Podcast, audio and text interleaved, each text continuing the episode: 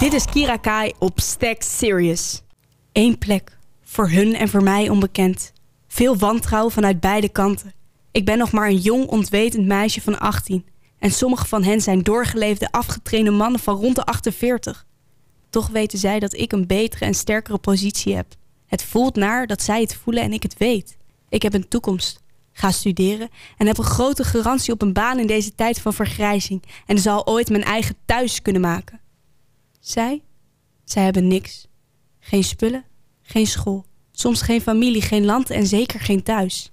Nu loop ik hier als Nederlands meisje hun te helpen bij alles wat ik kan doen om hun situatie te verlichten.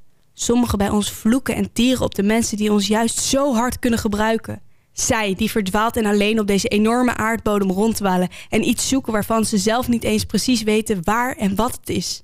Maar het kan zijn dat wij hun ooit net zo hard nodig gaan hebben als zij ons als we uit zouden gaan van een rampscenario. Dat wij hier in ons Nederland, het land dat we door en door kennen, en de taal die we spreken, de cultuur en het klimaat die we kennen, moeten ontvluchten. Omdat wij hier niet meer veilig zijn.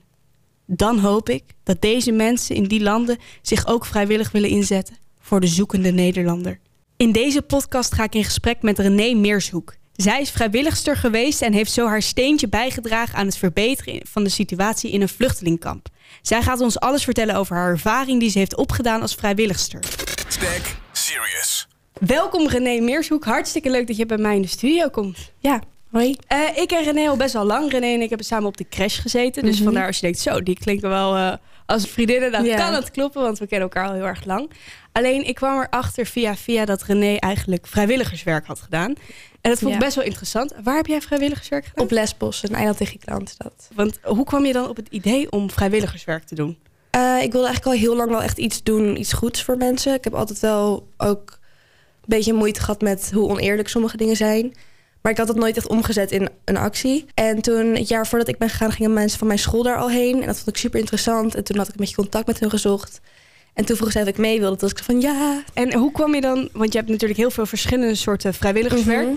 Hoe kwam je er dan bij om, om in een vrijwilligerskamp te gaan helpen? Ik denk dat het vooral komt omdat natuurlijk in 2015 was die ramp heel groot. Maar het is eigenlijk nog steeds heel erg aanwezig, maar je hoort er veel minder over. En ik was ook wel geïnteresseerd in hoe het nu was. Van, is het nog zo erg of is het minder? Eh, maar omdat je er zo weinig over hoort, wilde ik dat heel graag ervaren. En ook, er zitten zoveel kinderen, moeders, jonge kinderen... en gewoon ook mannen natuurlijk. Zoveel mensen bij elkaar op één hoop. Waar, de omstandigheden zijn zo slecht. En ik vond het wel heel belangrijk om daar dan te gaan helpen eigenlijk. En je vroeg je dus af of het eh, beter of slechter was Ja. geworden. En wat is eigenlijk het antwoord daarop? Ehm, nou, toen ik er was, vond ik het nog meevallen. Maar in de weken dat ik daar was, is het heel erg toegenomen. Dus toen ik er was, zaten er bijvoorbeeld in, er zitten twee kampen. Dat in het ene kamp zaten 4000 mensen, dat zijn er nu 12.000. In die dat- tijd dat ja, jij... ja, dat ik nu, Jeetje. nu, ik ben daar nu denk ik een maand geleden geweest.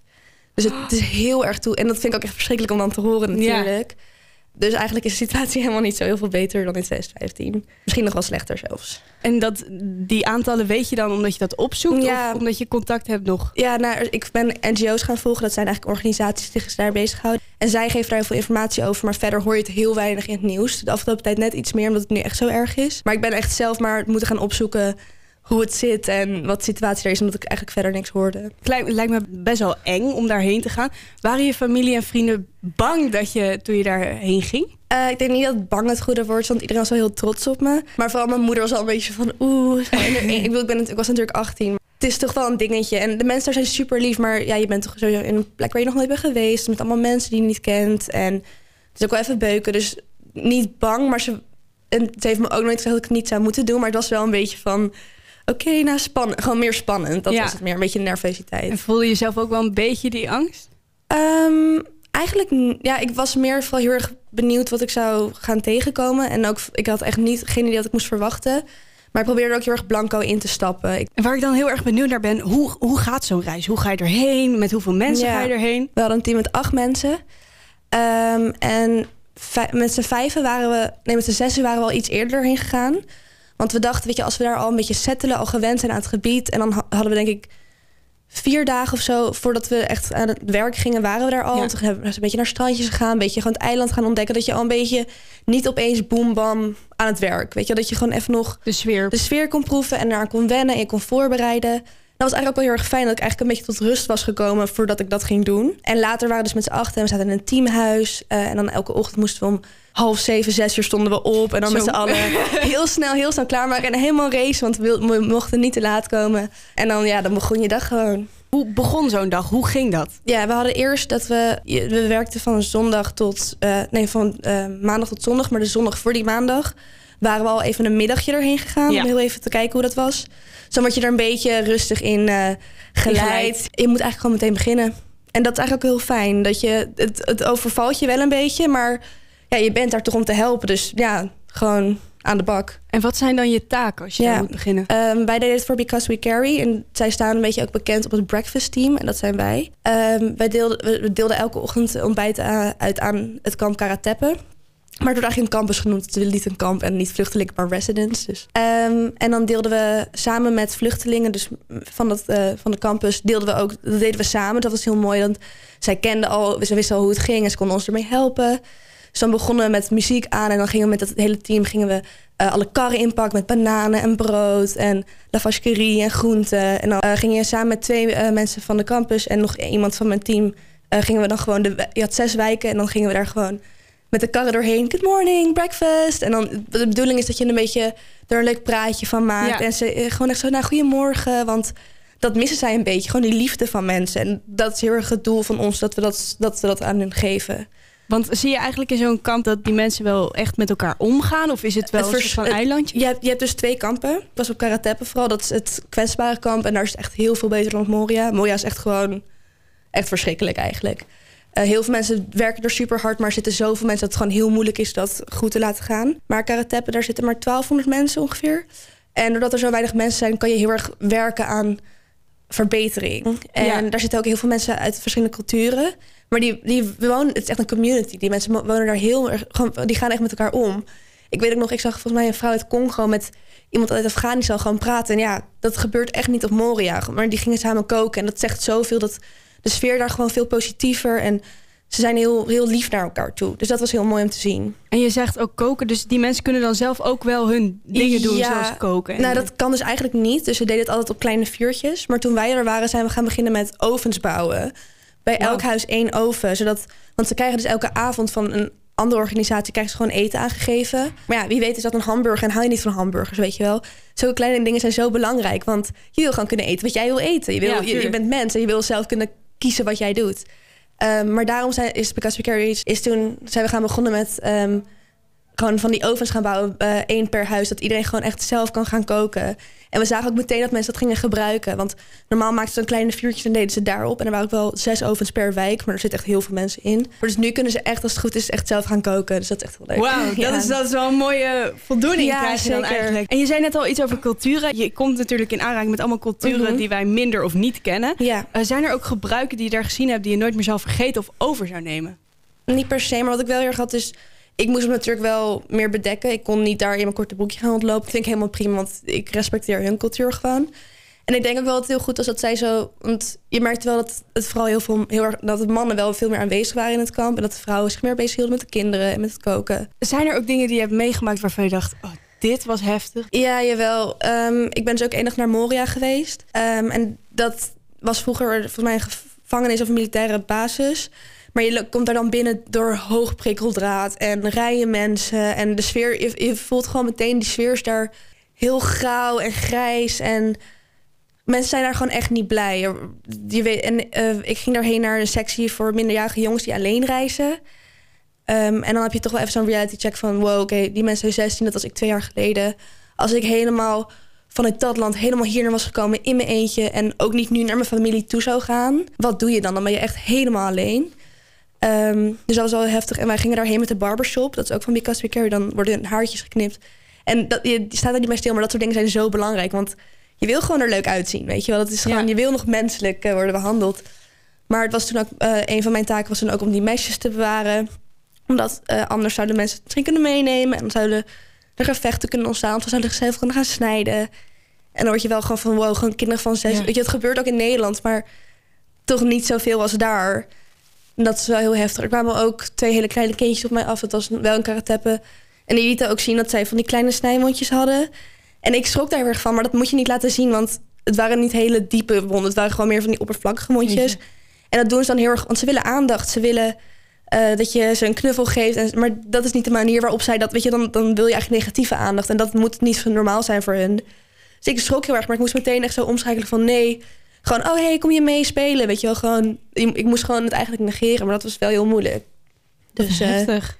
ja, dat was wel heavy. En dan moet je dus eigenlijk soort van je eigen emotie uitschakelen Ja. en dan gewoon normaal reageren. In Ja, en vooral omdat ik dat echt niet daar had verwacht, was ik nog niet soort van, ik was niet daarop voorbereid. En Moria had ik nog wel, weet je, omdat ik wist dat daar gewoon echt nare dingen gebeuren. Maar Karatepe was voor mij echt zo een hele veilige plek en heel mooi. En dan gebeurt toch zoiets en je van, ah shit, dat is ook de, de realiteit.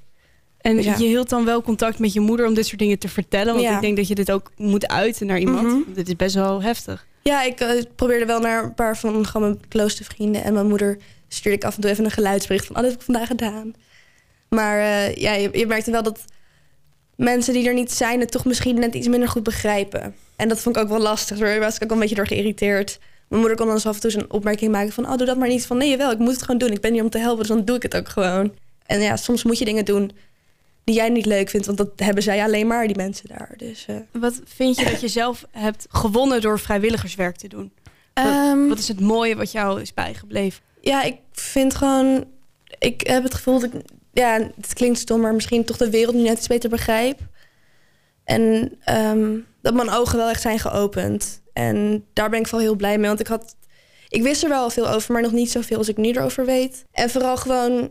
Het was heel moeilijk ook om daar weg te gaan. Omdat jij de kans hebt om weer naar huis te gaan en zij niet. Ehm, maar toch dat je dan in zo'n korte tijd zo'n band met mensen hebt opgebouwd... en misschien toch wel echt een verschil.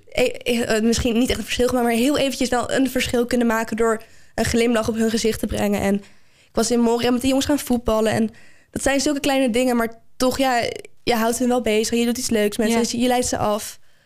Dus vooral gewoon, ja, hun misschien in ieder geval de gedachte dat je hen iets blijer hebt kunnen maken, dat is wel echt eh, heel fijn geweest. Zijn er ook echt meisjes of jongens die je echt hebt leren kennen... en waar je echt een band mee opgebouwd hebt in dat kamp? Ja, nou, in Karateppe deed ik elke ochtend sportactiviteit. En dat was met mannen vanaf 18 tot 50 of zo. Maar dat was heel leuk, omdat ik dat elke dag deed. Dan leer je ze net iets beter kennen. Ehm, en in, mijn moeder vond het ook echt... Die dacht van, oh nee, René met 30 mannen, help. zo, mama, nee! Ehm, maar dat was wel... Ja, dat, in het begin vond ik het... Want ik had helemaal niet verwacht dat ik dat in mijn eentje moest doen. Ik was van, oké, nou... En wel... Ze vinden het heel belangrijk dat ze dan, ijswater hebben en dat soort dingen. En ik van, oké, ja, ik ga het wel halen. Maar na een tijdje, weet je, na een tijdje heb je gewoon door hoe het moet. En ehm, in het begin was ik ook nog een beetje terughoudend. Maar na een tijdje ging ik gewoon mee. Dan wilden ze ook dat ik mee ging sporten. En ging ik een beetje mee fitness en hula hoepen en touwtjes springen. En ik werd ook nog gewoon met echt van die gewichten getraind. Terwijl ik dat normaal nooit doe en zo. Dus dat was wel heel leuk. Ehm, maar daardoor kon ik wel echt een... Weet je, dan, dan heb je toch eerder een beetje van die gesprekjes met mensen. Als je ze elke dag ziet. En Ja. elke ochtend een hand van goedemorgen en dankjewel. Dus dat was heel leuk. En Ja. je vertelde al van, dan moet je weg en dan moet je die mensen achterlaten. Eh, Word je op, eh, door het kamp bijvoorbeeld op de hoogte gehouden hoe het met die mensen gaat? Of heb je zelf contact met die mensen die je daar Ehm, hebt leren kennen? Nou, ik, ehm, die mensen zijn natuurlijk super druk met heel veel andere dingen regelen. Eh, elke week komt weer een nieuw team, dus daar hebben ze niet heel veel tijd voor gehad. Maar ik vond het wel heel moeilijk om dan weer terug thuis te zijn en dan niks meer te horen van wat daar aan de hand is. Terwijl jij zoveel in die tijd hebt gehoord over hoe het daar is. En je hebt het ook gezien. Ehm, maar toen dacht ik, ja, dan ga ik maar zelf gaan zoeken hoe het daar gaat. Ik ben gewoon heel veel dingen gaan volgen op Instagram, op Facebook zelfs. Ik zit nu veel meer op Facebook dan normaal, want ja, die zit nog op Facebook. Heeft gewoon heel veel stichtingen, ook waar ik niet mee in contact ben geweest, maar die posten er wel heel veel over. Dus zo probeer ik gewoon een beetje aan mijn informatie te komen. Maar ja, dan hoor je ook dingen die minder leuk zijn. Ik was dus best wel gechoqueerd door dat de, het aantal vluchtelingen zo erg toenam. En ook in die plek waar ik was geweest op Moria, waar die jongens alleen waren, er was een jongen doodgestoken door een andere jongen. En dat hoor je dan. En dan weet je van, oké, daar ben ik geweest. Heb ik hem gesproken? Heb ik met hem gevoetbald? Maar ja, ook al heb ik hem niet gesproken... er is er nog gewoon een jongen van ja, 15 tot 17 die er die nu niet meer leeft daar. Dus dat was wel eh, heavy. En toen je terugkwam in Nederland, merkte je dat het vluchtelingenwerk iets met je had gedaan? Of dat je anders naar dingen, Was- tegen dingen aan? Ja, ja, ja. Ik was misschien toch ook wel een beetje verdrietig of zo. Want ik... Ehm, ik had altijd het gevoel dat Nederland nog best wel gewoon een oké land was met daarmee omgaan. Maar ik was er achter dat dat niet zo was. En dan kom je weer hier en iedereen is zo erg met zichzelf bezig. Het zo in zijn eigen bubbel. Wat logisch is, dat zat ik daarvoor ook.